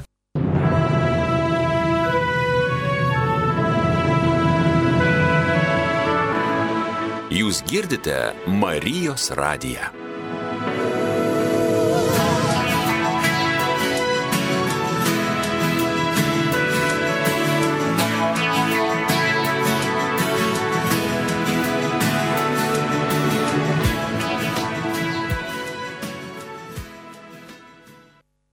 Taigi, mėly Marijos radio klausytojai, tęsėme laidą Klausk drąsiai. Į klausimus atsakinėja kunigas Kestutis Kazimieras Brilius, Marijonas iš Kauno Šventos Gertrūdos bažnyčios ir taip pat aš kunigas Saulis Bužauskas. Štai atsiusta tokia žinutė. Žemaičių kalvarijos didžiuosiuose atlaiduose galima pelnyti atlaidus mirusiam. Jei turiu šią intenciją, gal vietoje žodžių pasigailėk mūsų gėdoti pasigailėk mirusių, turbūt nebūtina gėdoti pasigailėk mirusių, tik tai turėti tą intenciją skirti atlaidus už mirusius, ar taip kunigė? Imkim pirmiausiai už esmės. Reiškia, tai, kaip pateikta tekstai giesmių ir maldų yra patvirtina bažnyčios su tam tikra paskirtimi, tai yra viešam naudojimai. Ir jeigu dabar jūs manot, kad paskambinus į radiją gausite iš kunigo Bužauskų leidimą pakeisti litanijos ar te kitą tekstą, neklyskit, jis tokio leidimo neduos. Dabar jeigu jūs norite pati gėdoti ir jums gėdoti taip geriau gėdasi, gėdokit jūs ką norite išskyrus kokius keiksmažodžius, viskas bus gerai, jeigu tai jūsų širdies malda Dievui, kaip gražiau taip gėdokit. O čia nepainiukim to dalyko, kur yra vieši tekstai bendruomenės maldai. Ta palikime taip, kaip skirta. Ir už mus, tai supraskite, telpa ir mirusi, ir gyvieji. Dabar atsakant į jūsų patobulinimą kabutėse, tai gaunasi, kad jūs išskirite tik mirusius, o bažnyčia nori melstis už gyvuosius ir mirusius ir net už priešus pagal Kristų. Tai jums gal gražiau, bet teologinė prasme jūs tą maldos intenciją susiaurinate. Va. Tai, nu tiesiai sakant, vietoj geresnių dalykų siūlo prastesnį. Bet jeigu jums to užtenka, jūs asmeniškai galite gėdoti ar melstis į taip. Čia turbūt patogiausiai naudoti, vartoti tuos tekstus, kurie, kurie jau yra viešai, va, kaip ir minėt, viešai kalbami, gėdami, o tiesiog po pamaldų sukalbėti popiežiaus intenciją maldą ir taip pat pridėti tą maldą užmirusius ir tiesiog paskirti viešpatie štai um, aplankiau, meldžiausi viską ir tegul, va, jeigu tikrai pelnau atlaidus, e, tikrai tegul jie būna skiriami už mano mirusius artimuosius ir tiesiog va viešpatie juos pavedu tau ir, ir tiesiog dar prisiminti specialią maldą savo mirusius, tai tada tikrai e, nereikės kažkokių pakeitimų tuose maldose, kuriuos viešai gėda bandamos kalbamos įvesti. Matot, skirkime du dalykus - atlaidų malonės skirimas arba aukojimas. Jūs renkatės asmeniškai, kam norit, už tuos aukojat. Ir liturginės maldos arba jų forma. Atlaidų formą patvirtina bažnyčia ir, kaip matote, teologiškai ją pagrindžia, o asmeninė malda jūs turite galimybės ir išlaikus atlaidų formą, tai yra už tai, už ką pelname atlaidai, aukokite savo nuožiūrą, savo mirusiuosius už kitus. Ir ta malda jūsų asmeninė gali būti ir visai ne pagal lietanės kažkokias, tai gali būti tiesiog e, paprasti žodžiai Va už mano nuostabią močiutę, kur labai skanų blyną kepdavau, tortą su braškim duodavau. Dieve, tu duokit šimtą milijonų tortų ir braškių, kad nepritrūktų. Nes mes anūkai tas braškės kai kada ir nurinkdom pirmi, močiutė nelikdavo. Va tokia bus vaikiška malda. O teologiška tai gali jau būti vėl kokia lotyniškai galite net melstis. Čia jau jūsų žodinė išraiška. Taip, mums paskambino. Klausytoja Aldona. Taip, Aldona, klauskite. Sveiki. Sveiki. Esu suaugusių vaikų mama. Taip. Ir aš su savo suaugusiais vaikais negaliu, nebegaliu niekad kalbėti, ką nors apie Dievą ar priminti, kada kokia ar šventė. Visada toj pasako, čia jau mamytės reikalas ir nori kuo greičiau atmesti kokią temą, ką nors apie Dievą ar bažnyčią, nenori nei girdėti. Ir tarsi erzina, erzina kartais ir aš net vengiu, jeigu jie ateina, aš išjungiu radiją, Marijos radiją, kurią labai mėgstu klausytis o jie, jos tarsi erzina. Ir, ir aš net išjungiu radiją ir vengiu, ką nors apie Dievą ar bažnyčią paminėti. Ar tai nėra piktosios dvasios apsėdimas mano vaikų? Taip, ačiū Jums. Taip, kaip atsakytume? Taip smarkiai, taip smarkiai apie vaikus nespręskite. Ne, tai nėra piktosios dvasios apsėdimas, yra kitas pavojus, galbūt jūsų didelis įkyrumas. Tai aš norėčiau pasakyti, pasirinkite iš šitų dviejų dalykų. Mamytė, močiutė, būkite kantri, nebūkite įkyri.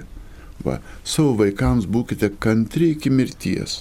Va, kad jie suprastų, žinodami jūsų tikėjimą, jūsų maldingumą, jie pamatys ir savo klaidas, kai jūs išmelsit jiem atsivertimo.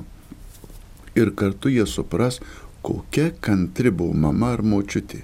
Mes va taip škaradinom, mes taip neklausėm, mes jau tildėm, o ji kantriai tyliai už mus meldėsi. Tai ir daugelį tų, kurie nori senukai visų garsų pasileidę Marijos radiją, paskui užminga su ta radija ir kaimynai sienas baldo, mano, kad visa, visa dūda leisdami Marijos radiją atvers visą penkiaukštį prie Dievo, dažniausiai priveda prie keiksmo ant tos nabagės. Va. Ir aš lankau vieną ligonį, tai irgi žmonės pasitinka laiptinį, sako, sakykit, sakykit, jam sako, naktim negali miegoti, pats miega, negirdė, leidžia tą radiją visų balso, nekankinkit žmonių Marijos radijo. Noriu pasakyti, sekdami Kristų, jis buvo nuolankus ir kantrus, nenulaužė neandrės, negesino dakčio, taip apie jį sako. Ir savo vaikų atžvilgių nenori, tai negrūskit Jeigu gali klausyti, pasidėkit radijuką prie žando, va, danties neskaudės nuo to ir klausykit savo vieną ausim tyliai. Nerzinkit. Dėl Dievo nereikia nei erzinti, nei pykint, bet jūs už juos melskitės kantriai, kantriai ir ištvermingai. Ir išmelsti Dievo malonės. Žinokite vieną dalyką, kad tėvo motinos malda, tėvo motinos palaima, tėvo motinos užtarimas, linkėjimas ir išminties žodis yra patys nuopelningiausi pas Dievą. Ir per nieką Dievas tiek malonių neatsiunčia, kiek per tėvų gerą valią, tėvų linkėjimą ir maldą, tėvų laiminimą. Nes pats Dievas yra tėvas ir iš jo eina kiekviena tėvystė, motinystė. Tada jūs gavote tą pašaukimo dovaną Ir jeigu dabar nepageidaujame, kad jūs ją vykdytume garsiai, jūs ją darykite tyliai. Tyliai būkite savo vaikų, ne tik pieno ar kraujo mama, bet ir dvasios mama. Jeigu jie įpratę dabar valgyti duoną ir dešrą, dar nemoka, negali valgyti dvasinio maisto, tai jūs vis tiek jūs to dvasinio maistu, dvasiniu būdu maitinkite savo maldą, užtarimu, atgailą, skausmus aukodama ir nei vienas Dievo malonės grūdas per tėvą, per motiną duotas vaikams nenupuls ant žemės, pasieks vaikus. Va šitoj tarnystėje ir likite, ne su garsiakalbiu, o su kantrybė. Na, turbūt reikia irgi panaudoti tas šventės, kai suvažiuoja šventėms vaikai mamos pasveikinti, susitinka, tai tiesiog bent stalą palaiminti, tiesiog trumpą maldą paprašyti, kad aš dabar pasimelsiu, tikrai vat, noriu ir už jums, ir jums ramybės palinkėti, paprašyti jūs, jeigu galit, patylėkit, paklausykit. Na, tiesiog tokia žinia ir vaikams nešama, kad štai aš esu tikinti ir man tai yra svarbu, kad ir tie vaikai žinotų mamos vertybės, jeigu dar nebuvo progos kažkaip jas mm, paliūdyti apie jas kalbėti, tai taip vat, per šventę žmonės paprastai na, yra atviresni Dievui, atviresni anapusybė gamtiniam gyvenimui. Per tas metinės didžiasias šventės bent jau panaudokite tą galimybę mm, kalbėti bent šiek tiek apie tikėjimo dalykus. Reikia neužmiržino to dalyko ir vaikų atžvilgių, dėl ko turim būti pakantus. Todėl, kad šiandienį kultūra nepaliko vietos Dievui ir tie vaikai, ir tie anūkai, ir proanūkiai, kas tik nori, yra tokiam bedieviškam užėsį, visokių dalykų, pasiūlymų, vėliojimų, gundimų, gazdinimų, klastojimų. Ir jeigu jūs likote vienintelis balsas giminėje ir šeimoje, kuris kalba apie Dievą, tai nenustepkite. Kad tu vienu jūsų balseliu visą šitą Velnyno chorą neperėksite. Tačiau jeigu jūs, va, kaip kuningas minėjo, susirinkę prie stalo, pasakysit, paprašyčiau truputį patylėti, aš noriu pasimelst. Ir jūsų šeiminėlė, giminėlė ištesėjus, nevepsėjus, nečiauškėjus ir negriebus ten nuo, nuo stalo, nors pusę minutės jūsų kalbėsit sveika Marija, jau bus jūsų šeimos dovana ženklas Dievui. Čia yra laiko Dievui. O tokios smulkmenėlės prieš tą didžiulį bedievišką, antidievišką užėsį. Taip, tai linkim ištvermės ir nenustokit vilties, mėloji. Dar viena žinutė, kuri dažnai kartojasi apie mm, nuodėmės prie šventąją dvasę. Kaip suprasti, kad žodis prie žmogaus sūnų bus atleistas, bet kas kalbėtų prie šventąją dvasę, tam nebus atleista.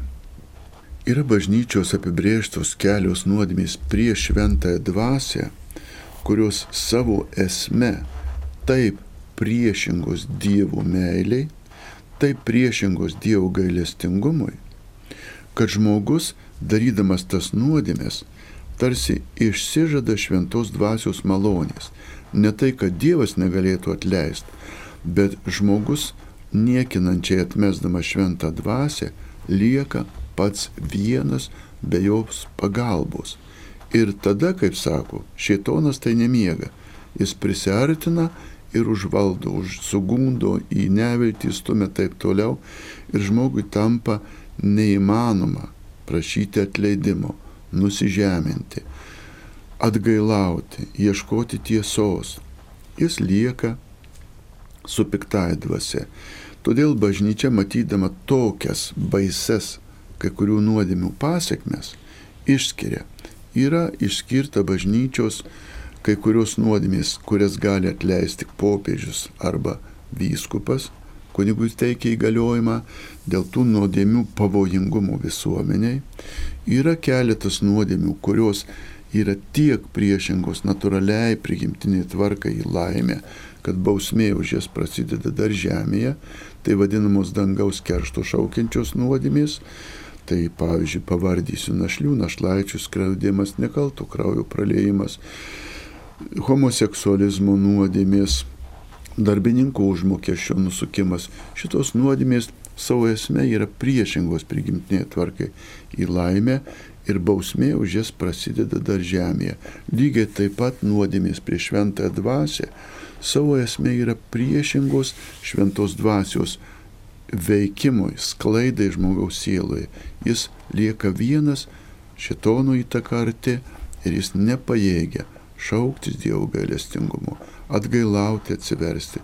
Va taip įvyksta tai, kad Kristus atpirko, o žmogus nepasinaudoja atpirkimu. Ne dėl to, kad būtų blogesnis už visą vietą, bet dėl to, kad paniekino meilę taip, kad liko be Dievo meilės. O be Dievo meilės mes į išganimą eiti negalime. Kitaip sakant, kas yra šventoji dvasia, tai yra e, meilės ryšys tarp tėvo ir sunaus, tai yra mylintis asmuo, kuris e, štai palaiko mūsų tikėjimą ir padeda patirti Dievo artumą. Ir jeigu aš atmetu, kad e, štai Dievas manęs nemyli, Dievas manęs nepasigailės, Dievas e, negali duoti man dovanų, tai tiesiog užkėtėjau, bet kol žmogus gyvena, tai jis turi galimybę vis dėlto vis dėlto keistis ir Dievas laukia turbūt iki pat paskutinio momento to žmogaus pasitaisymo. Tai tikrai išnaudokim tas progas, įvairius ženklus, kuriuos Dievas siunčia, kai, kad mus prakalbintų tam, kad mes neužkėtintume savo širdies. Aš čia norėčiau dar papildyti pavyzdžių. Va įsivaizduokit, kad jūs įbridote į kažkokią upę ar ežerą. Jeigu jūs vis tiek suksite link kranto, kaip nors išlipsite nes bus vis sekliau ir bus lengviau eiti. Jeigu jūs pasuksite iš esmės nuo kranto, jūs jau sveikas gyvas neišbrisit. Taip ir su šventąją dvasia. Pavyzdžiui, viena iš nuodėmių prie šventą dvasę yra atgailos atidėliojimas gyvenimo pabaigai. Reiškia, aš dabar griežysiu, kiek pajėgsiu, levosiu, durnamosiu, kiek išeis, o dievulis tada palauks, kai man ateis pabaigas gyvenimo, pasakysiu, na va dabar jau atleisk, aš jau galiu paralyžiuotas, nusidėti nepajėgiu, dovanok. Deja, Dievas atleistų, bet žmogus jau nubridęs taip giliai, kad jau to nepaprašys. Jeigu nori žinoti iš, tos kunigiškos praktikos, tai teko savo akimis matyti, kada suklaupė už durų palatos meldžiasi, ten šeima giminė, kada kunigas sėdi valandą, eik, nelysk, neik, nelysk. Gydytojas pasako, tau liko keturios valandos, jau ryte mirsi. Ir va taip per naktį, ne, nereikia, nelysk ir viskas. Sakai tiesiai šviesiai, pasakyk vieną, du žodžius, Dieve gailiuosi. Ir pragarų išvengsi, eik lauk. Va kas kliudo? Kaip paaiškyti? Reiškia, buvo eita šventos dvasios nuodėmių keliu. Dviejų žodžių nepasakysiu. Tai kaip tada atleisti? Kunigas stovi, atleidimo duot gali, giminė meldžiasi, grabnyšių žvakė dega ir siunčia, kaip sakant, dar ir rusiškai, eik ir viskas. O kartoji ir kartoji, pasakyk, Dieve gailiuosi, atleisk man išvengsi pragarų. Na ir paryčiui tas žmogus numirė. Pradėjęs ten nesavų balsų kriokti, rėkti, matyti jau pamatė, ką surado. Va taip, taip šventa dvasia nepalieka, bet žmogus nuo jos nusisuka per savo tokį pasipriešimą. Čia aš pailustravau specialiai, kad, kad geriau suprastumėt, jog ne Dievoje bėda, o žmoguje. Taip mums paskambino. Klausytojas iš Kedainių. Taip, klauskite. Liudovikas Kedainiai. Tokį dalyką da, noriu paklausyti gerbim kunigų. Labai šiuo momentu populiarus kaučingas, kaučeriai atsirado tokie. Tai čia surišta su New Age tai judėjimu, su masonėje, taip kažkas panašaus. Galite paaiškinti? Taip, ačiū, ačiū. Kaučeris.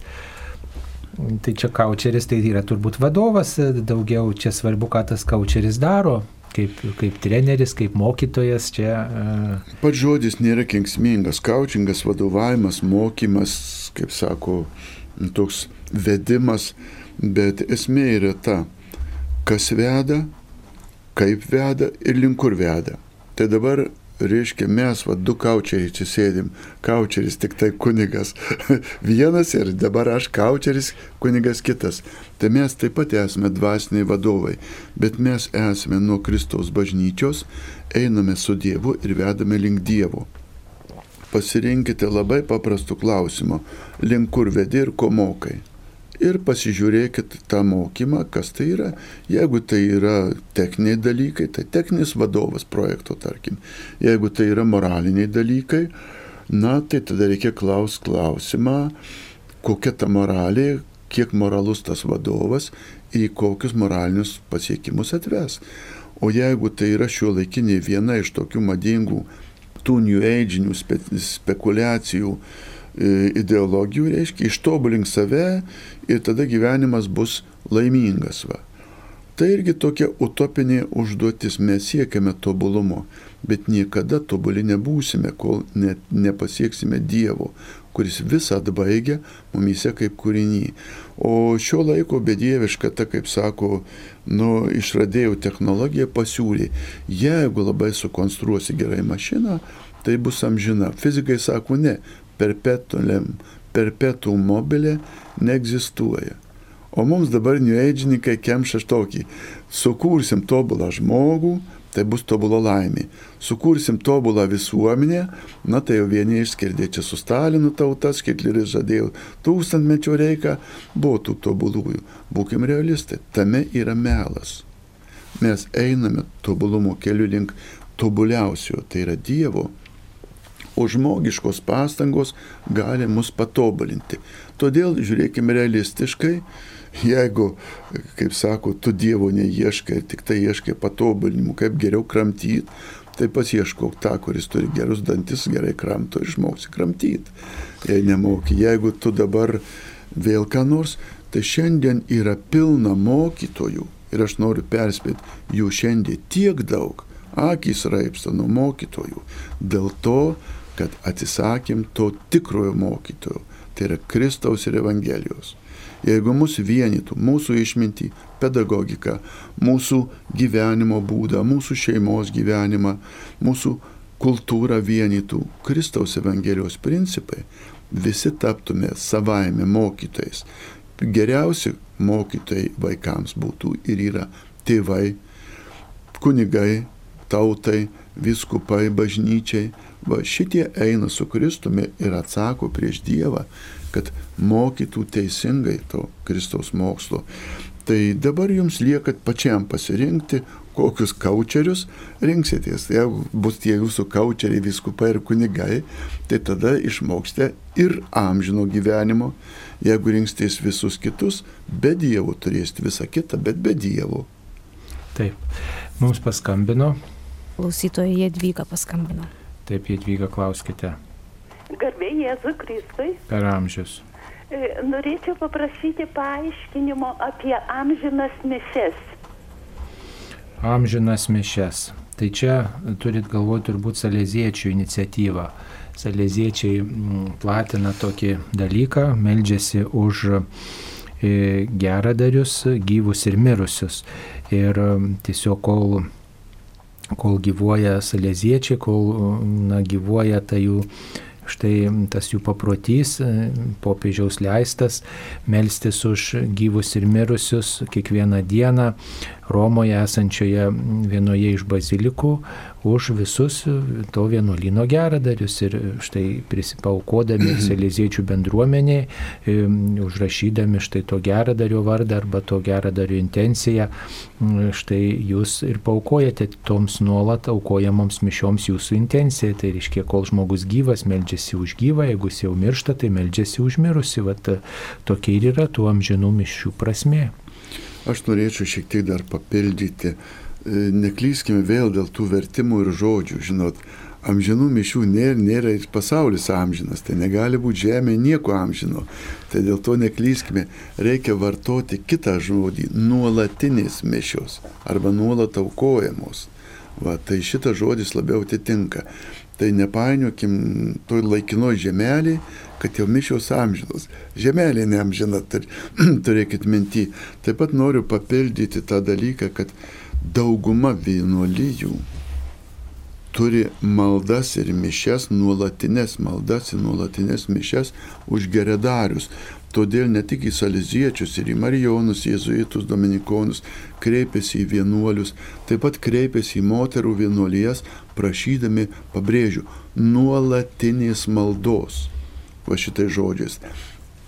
Tie, kurie ten prisideda auka prie vienuolijos veiklos, kurie nori dalyvauti vienuolijos geruose darbuose, misijose, jie prisideda auka ir tokiu būdu vienokia kitokia forma tampa tos vienuolijos rėmėjais, jų darbų rėmėjais ir įtraukiami į tų vienuolijų nuolatinės maldos intenciją. Taip kad ne tik tai kad neieškokit tų amžinų mišių, kurių nebūna, tai yra nuolatinės mišios Aleziečių vienuolijoje, bet kiekvienoje vienuolijoje galite kreiptis, prašyti nuolatinės maldos. Tai žinoma, nereiškia, kad kiekvienas ir visi ir ten taip toliau vienuolė turi savo maldos užduotis, tačiau jeigu yra ypatinga prasminga intencija, galite būti priimti į kažkurios ir kitos vienuolijos nuolatinės maldos intencijų sąrašą. Turbūt kiekvienos mišios yra tam tikra prasme amžinos, nes nuolat bažnyčia meldžiasi, kol gyvuoja šis pasaulis, kol gyvuoja bažnyčia, tai meldžiasi už gyvus ir mirusius. Ir e, nėra taip, kad e, pamirštų kažkas, kažkas būtų pamirštas. Štai jeigu esu krikščionis ir, ir jau miriau, ir mano artimieji jau išmirė, ir nėra kas jau už mane mišių užprašo, tai už mane niekas nesimeldžia. Bažnyčia vis tiek nuolat meldžiasi už iškeliavusius. Kiekvienose mišiuose tą prisimena. Na, tai ta prasme kiekvienos mišios yra, turi tą tokią vat, nuolatinumo dimensiją. Ir galite žinoti visada, kad kur tik yra įsteigta parapija, taip pat yra melžiamasi už visus tos parapijos kapinių mirusiuosius, kur tik yra įsteigta kiekviena vienuolyje, visada vienuolijos maldose yra melžiamasi už tos teritorijos, už tos vyskupijos ar tos parapijos, kurioje įsteigta mirusiuosius. Taip bažnyčia suriša vienuolės su savo tą dvasinę tokia apaštalystę. Taip. Ir be to kiekvieną sekmadienį klebonas e, tam tikros teritorijos kunigas aukoja mišes už parapiečius, už toje parapijoje gyvenančius. Tai irgi, kol gyvuoja ta parapija, kol gyvuoja bažnyčia, tai yra ta malda nuolatinė. Ir dėl to mums taip svarbu palaikyti savo parapiją, identifikuoti save ir, ir lankytis, ir remti, ir prisidėti prie tos parapijos gyvavimo, kad na, palaikyčiau bendruomenę ir, ir tą, tą, prie tos maldos ir pats ir kiek galima prisidėčiau savo dalyvavimu, savo darbu, savo triūsų, savo dėmesiu.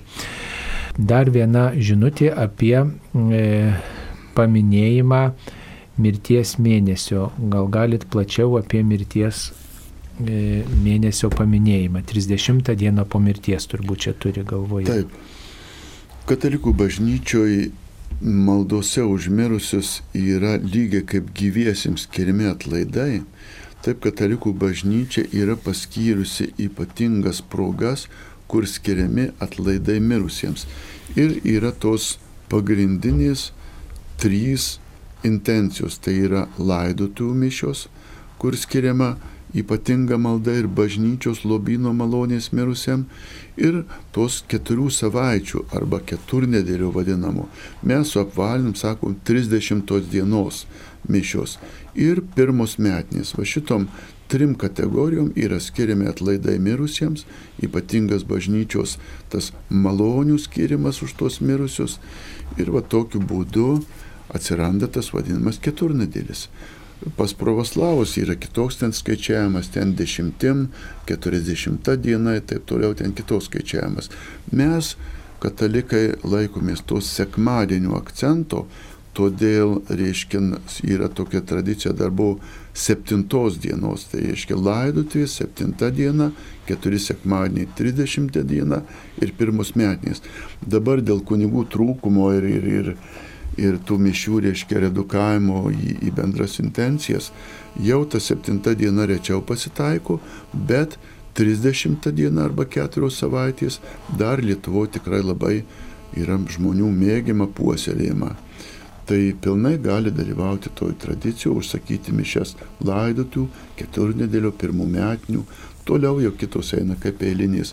Noriu kartu paminėti ir paprašyti, neskaičiuokite tokiu būdu, kada labai aktyviai prašo kuniga šeši su pusė metų nuo mirties, keturi metai nuo mirties, du metai nuo Jono, trys metai nuo Prano. Šito minėti nereikia nes tai nėra susijęta su kažkokiu liturginiu išskyrimu. Yra išskirta metinės keturnedėlis laidotys. Va šitas galim minėti. Taip pat dėl to apvalios tokios žymos, galim sakyti, dešimtos metinės, ar ten kažkokį tai tą jubiliejų paminėdami, bet neskaičiuoti ten 6,5, 4,1. Čia bus ta neaiški skaičių, skaičių tokia kabalistika. Taip, ar vaikas pasiruošęs, bet neturintis tikėjimo gali būti e, prileidžiamas pirmos komunijos? Ne. Negalima priimti sakramentų, jeigu netiki gali būti pasiruošęs mokslininkas, teologijos daktaras, bet jeigu jis Dievu netiki, tai jis negali eiti komunijos. Kad priimti švenčiausią sakramentą, kad gauti atleidimą iš pažintyjį, kad e, priimti kitus sakramentus teisėtai ir leistinai, reikalinga toks atsakymas. Turi žinoti, kas tai, kam tai, kaip tai kas tai yra, kad tai yra šventas sakramentas su savo malonėm, tikėti Dievu ir jo malonę, kam tai skirta, tai reiškia, kam kokia paskirtis, kokia dvasinė užduotis ir kaip tai atlikti. Tai čia ir yra pasirengimas, komunija ir santuokai taip toliau. Bet be tikėjimo šitie sakramentai neleistini eiti. Biblijoje Dievas vienas Izraelio tautos Dievas viešpats Jahve švenčiausios trybės nėra tokio žodžio.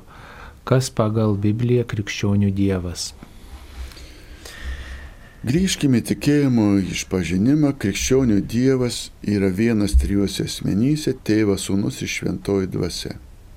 Jahve hebrajiškai Dievą reiškia, mūsų lietuviškas žodis tai atitinka Dievas, araba malachas, Bet mes sakom Dievas, Tėvas, Sūnus ir Šventoji Dvasia, nes turim pilną prieiškimą.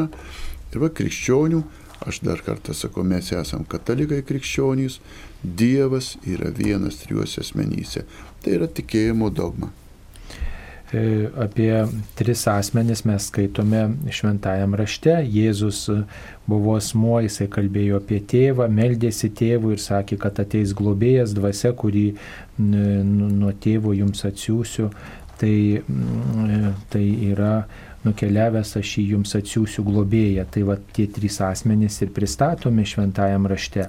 O švenčiausioji trejybė, tas e, terminas, tai aišku, pradėtas vartoti vėliau, bet e, siekiant apibriežti tuos tikėjimo turinius, juos paaiškinti kažkaip ir e, tikėjimo šita doktrina priimta Nikėjos ir Konstantinopolio bažnyčios susirinkimuose ketvirtajame amžiuje, nors ta koncepcija vartota dar anksčiau antraisiais amžiais. E, ir e, tas aprašymas randamas, e, randamas Teofiliaus raštuose. Ir nors Biblijoje nėra, bet mes, mūsų tikėjimas remiasi ne tik tai Biblija, bet remiasi ir, ir, ir, ir, ir kitais dar dalykais tradicija remiasi, kuri štai formuojasi besiremianti šventuoju raštu, bet ir šalia jo. Tai mm, čia nėra taip tik tai, kad mes tikim tik tuo, kas yra šventam rašte pažodžiui parašyta. Vis tiek trys asmenys, jie yra minimi, dieviški asmenys ir tada kyla klausimas, o koks jų tarpusavio santykis, kaip su dievystė, apie tai bažnyčia ir tikėjimo susirinkimuose, bažnyčios susirinkimuose ir svarsto ir, ir apibrėžia, kad jie trys yra dieviškos prigimties, ta pati prigimtis, jie yra trys, ta pati viena dieviška prigimtis, bet yra trys skirtingi asmenys ir kur veikia vienas trybės asmo veikia ir visi, visi kiti. Aš dar norėčiau papildyti visi šitie dalykai, jeigu norėsite giliau e, pažinti, yra išleista enciklika apie Dievą švenčiausioje trybėje, Dievas trybėje ir ten labai plačiai išdėstyta, kaip tik va šitie klausimai, kas, kur, nu, kada. Atkreipkite dėmesį, jei pasiekite internetą katalikiškame puslapyje, yra bažnyčios raštai, bažnyčios mokymas. Ten visi šitie dalykai oficialiais bažnyčios tikėjimo kongregacijos skelbimais įvairių lygmenų yra išdėstyti. Ir taip pat bažnyčios enciklikoje apie švenčiausią trybę iš tos dalykus atsakyta. Taip, mums paskambino. Klausytojai iš Utenos. Sveiki. Sveiki. E, Radio klausytojai Marijos. Ar galima klausti? Taip, prašau. Yra toksai, žodžiu, kaip ir neaiškumas, bet ne, jau iš anksčiau truputėlį nepatogu. Nežinau, ko gailėtis, ar e, to suteikiančiojo pirmąją komuniją, ar to priimančiojo, kai eilutėje buvo ir tas vaikelis ir to amžiaus pirmosios komunijos žodžiu. Persižegnojo kairę rankelį ir gavo stipriai ant visos bažnyčios, nu, priekaištą didelis laukė, nepatogu buvo jam ir mums girdintiesiems ir kaip turėjo pasielgti mano paklausimas. Aha, kaip turėjau pasielgti. Nu, aišku, vaikai turbūt jie e, gal ir susijaudina, žinot, ir pasimeta, galų gale vaikai gali būti ir kairė rankiai, kartais visus svarbiausius dalykus daro kairė ranka, rašo, valgo, piešia ir, ir, ir žegnojasi gal kairė ranka, tai čia gal ne pats blogiausias dalykas, svarbu, kad tas vaikas pagarbiai persižegnoja, o tai, tai turbūt esminis dalykas. Va, o, o kad ten vaikui per ranką mušti ar panašiai ten drausti, tai nežinau, ar čia pats tinkamiausias būdas. Turbūt, kad nelabai. E, čia reikėtų klausti to pedagogų. Tai labai greitai galim tą vaiko tikėjimą tokiu būdu na, paniekinti, įskaudinti vaiką, tai nereikėtų tikrai nei bartis ir daugiau kalbėtis ir žinot, ypatingai šalies, nežinant visų aplinkybių, labai sunku kažką pasakyti. E, e, tikrai mes nesam, taip sakant, tiek čia žinantis, kad galėtume pasakyti, kaip reikėtų daryti. Svarbiausia, na, kalbėti apie tai, kaip, kaip vat, daroma bažnyčioje, kaip dažniausiai daroma ir atsižvelgti vaiko situaciją. Va. Tai kad jau persižegnojo, tai sakyčiau, tai yra gerai. E, į tai svarbiausia reikia atsiremti, o tada toliau mm, panagrinėti, jeigu žmogus pamatė, kad ten iš šalies žmogus, tai tikrai nesureikšminkit ir ne, neskubėkim piktintis, kad štai vaikas persižegnojo, ne taip persižegnojo.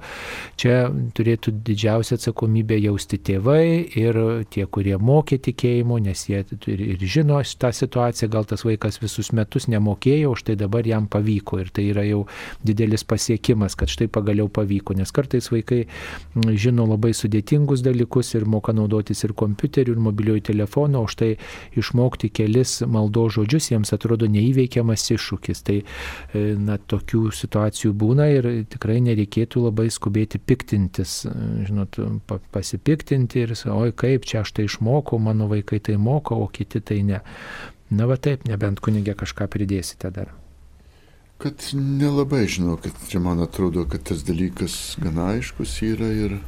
Taip, dabar dar vienas toksai klausimas apie maldaknygę bažnyčioje, kurią pirkau, ar ją reikia pašventinti. Tai Bažnyčio maldaknygės paprastai dalinamos ar parduodamos pašventintos, todėl nereikia, bet jeigu gaut kokiam ten kažkur kioske ar ką, nu tai galit pirkdama paklausyti, ar jos pašventintos ar ne. Ten, kur platina knygynai, tai būna nešventintos, kur platina parapijos, dažniausiai būna pašventintos. Bet perkant galite paklausyti, nešventinta, pašventinkit. E, taip, e, yra net ir specialios maldos, žinot, šventinti, tai daugiau tas pašventinimo malda, tai daugiau tokia padėka Dievui, pavedimas ypatingas tos maldos ir kartu dar toks jūsų pasiryžimas e, melstis, naudoti tą maldaknygę pagarbiai, ne tai, kad ten kaip bet kokią kitą knygą, kad galiu ir, ir, ir padėti bet kur, ir, ir bet kaip galiu elgtis, šiaip jau knygas mes gerbėm visi, bet maldaknygė tai yra ypatinga knyga, nes tai yra maldų savadas, maldų rinkinėlis ir ten ir šventus paveikslėlius e, žmonės mėgsta laikyti ir, ir brangius kitus užrašus. Tai, e, tai tiesiog tai ypatinga knyga, man padedanti širdį atverti Dievui. Tai ir ta peiga primena padėką ir pavedimą Dievui. Taip pat ir šventasis raštas, atrodo, jau yra pats Dievo žodis, bet va, tas pašventinimas tai yra tokia padėka Dievui, kad štai skaitysiu, tas pasiryžimas galbūt toks mm, vis dėlto e, pasiryžimo, pasirinkimas rimčiau domėtis, skaityti ir melstis kartu su bendruomenė, su šeimos nariais. Dar vienas klausimas yra apie du žodžius - Osana ir Aleliuja. Ką tai gali reikšti? Mm, tai e, žodis Osana reiškia tokį sveikinimo šūksnį Dieve padėk jį, tai hebrajų kalbos žodis ir gali būti taip pat siejamas su žodžiu Jėzus, tačiau tai yra iš, mm, iš tokių e, atėjusi iš senosios liturgijos tekstai ir aleliuja yra taip pat iš iš žydų liturgijos šlovė Jahvei, šlovė Dievui toksai šūkis, kuris mm, vartojamas ir tokiais iškilmingų pamaldų metu, iškilmingais momentais. Štai prieš Evangelijos skaitimą, Velykų laikų ypatingai tas vartojamas Dievo pagarbinimas. Kunigė, nebent kažką pridėsite dar. Tiesiog jeigu kas gali lietuviškai šūktel gražiau, tai šūktelkit lietuviškai, o jeigu kas lenkiškai, lenkiškai, visos kalbos ir visi liežuviai bus labai gražus, kurie šlovina Dievą. Ten net šventam rašte yra graž, gražiai pasakyta ne tik apie liežuvius ir kalbas, sako, kokios gražios, gerai naujieną nešančių šauklio kojos. Va tai visom kalbom šlovinkime Dievą, bus labai gražu. Na, čia toks, tokie žodžiai iš liturgijos, iš žydų liturgijos perimti, e, tai tiesiog jie labai tiksliai, taikliai išreiškia ir mes juos vartojam kaip e, visose tautose ir visose kultūrose, turbūt jie išlikę yra. Mums paskambino. Klausytojas Eugenijus. Taip, klauskite. Garbėjai Zukristai. Per amžius. Norėjau jūsų paklausyti, palaidojau mamą, tėvelį, bet nesilaikiau septynių dienų ir 30, 30 dienų, tik tai metinius. Tai ar čia nu, mano toks nežinojimas buvo, o dabar kaip supratau, kad padarytos klaidos, kaip jau čia kaip ištaisyti ar neištaisyti, kaip čia padaryti. Ties, tiesiog, žinot, pasitikėkit gera valia ir bažnyčios ir jūsų gera valia ir malda. Dievas papildo, yra liturgijoje, teologijoje toks, toks reiškia išsireiškimas.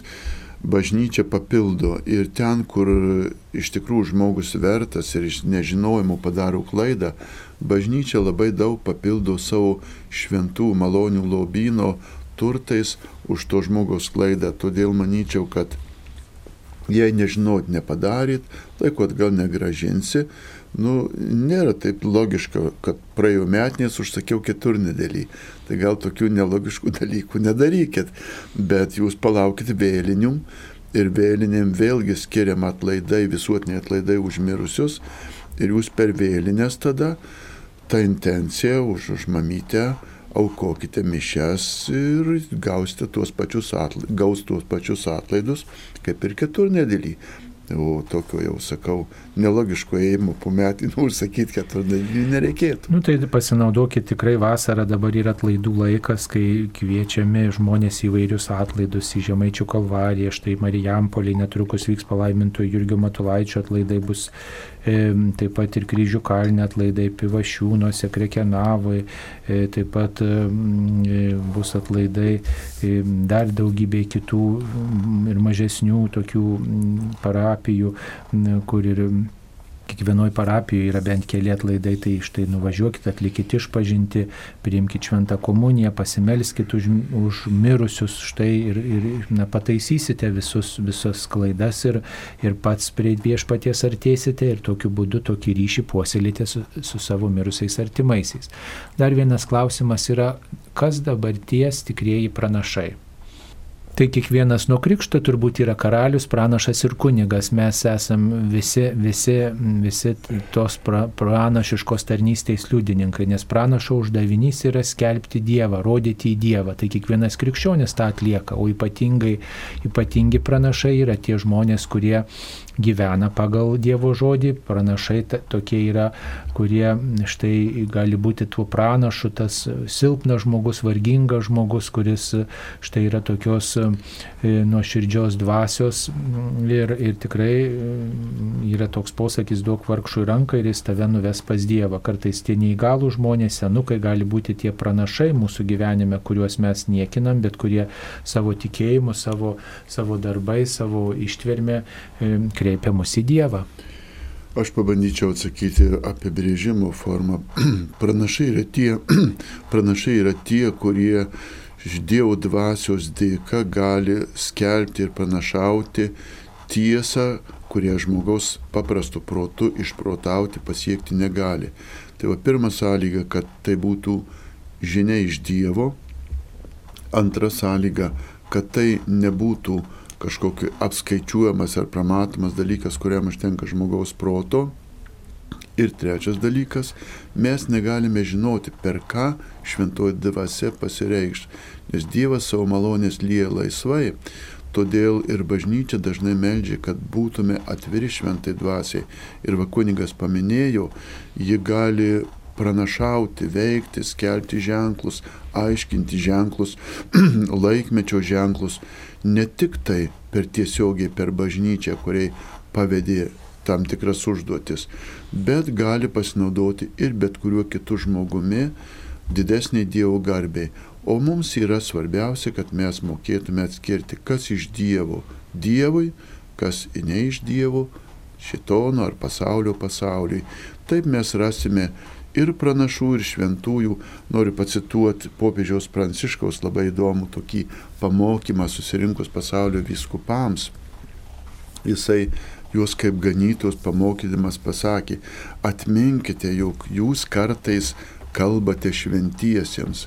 Reiškia, kad ir bažnyčia vedantys viskupai žinotų, jog tų šventųjų, tų Dievo didžiųjų gali būti pačių mažiausių tarpe. O taip yra ir su šita pranašystės dovana. Šventa dvasia gali ją duoti per pačius mažiausius, gali duoti per tautos švyturius, ten, sakysim, jos filosofus, jos mokytojus, jos dvasininkus, arba per labai mažus žmonės. Visada reikia džiaugtis ir šlovinti Dievą, kad jis apsireiškia mums ir tai savo laisvę, liepdamas ne tik pasistiepti, nuo ko jis kausta blausdas, bet kartais ir pasilenkti, kai kada būna netgi patogiau žiūrėti, klausyti pasilenkus. Na ir paskutinis šios laidos klausimas, jei per mišes mažiems vaikams tėvai duoda valgyti saldumynus ar žaisti telefonu, maždaug kaip čia yra, kodėl tas būna. Todėl, kad nemoko vaikų, kaip elgtis bažnyčioje, moko kaip elgtis autobuse, gatvėje, šviesaforė, tualete, auto lėktuve, o atėjus į bažnyčią, staiga atrodo, kad čia jau nereikia mokyti. Reiškia, čia neskrendam, nevažiuojam, ne, ne, nedainuojam ir taip toliau. Norisi palinkėti, kad tiek kunigas, tiek, kad dirbantis parapijoje, tiek patys tėvai suprastų, išmokykite vaiką elgtis ir bažnyčioje kaip tikintįjį, o ne kaip bedievi. Kartais gaunasi paradoksas. Mamytė susirietų, susikuprinus net, net nosis prie žemės, reiškia, karštai poteriauja, o sunelis kaip bezbožnikas kokiu ten dviratuku trankų į suolą ir visa bažnyčia, ko ne kai sako, suirzus negali melstis. Tai va, mokykite vaikus, kurie auga šiandien parduotuviniai kultūroje, elgtis dvasinės kultūros aplinkoje. Tai bus didelė dovana. Taip, ačiū kunigė jums. Šioje laidoje dalyvavo kunigas e, Kestutis Kazimieras Brilius iš Marijonų vienuolijos, iš Kauno Gertrūdos bažnyčios ir taip pat aš kunigas Saulis Bužauskas. Visiems tvirto tikėjimo ir gražios dienos sudė.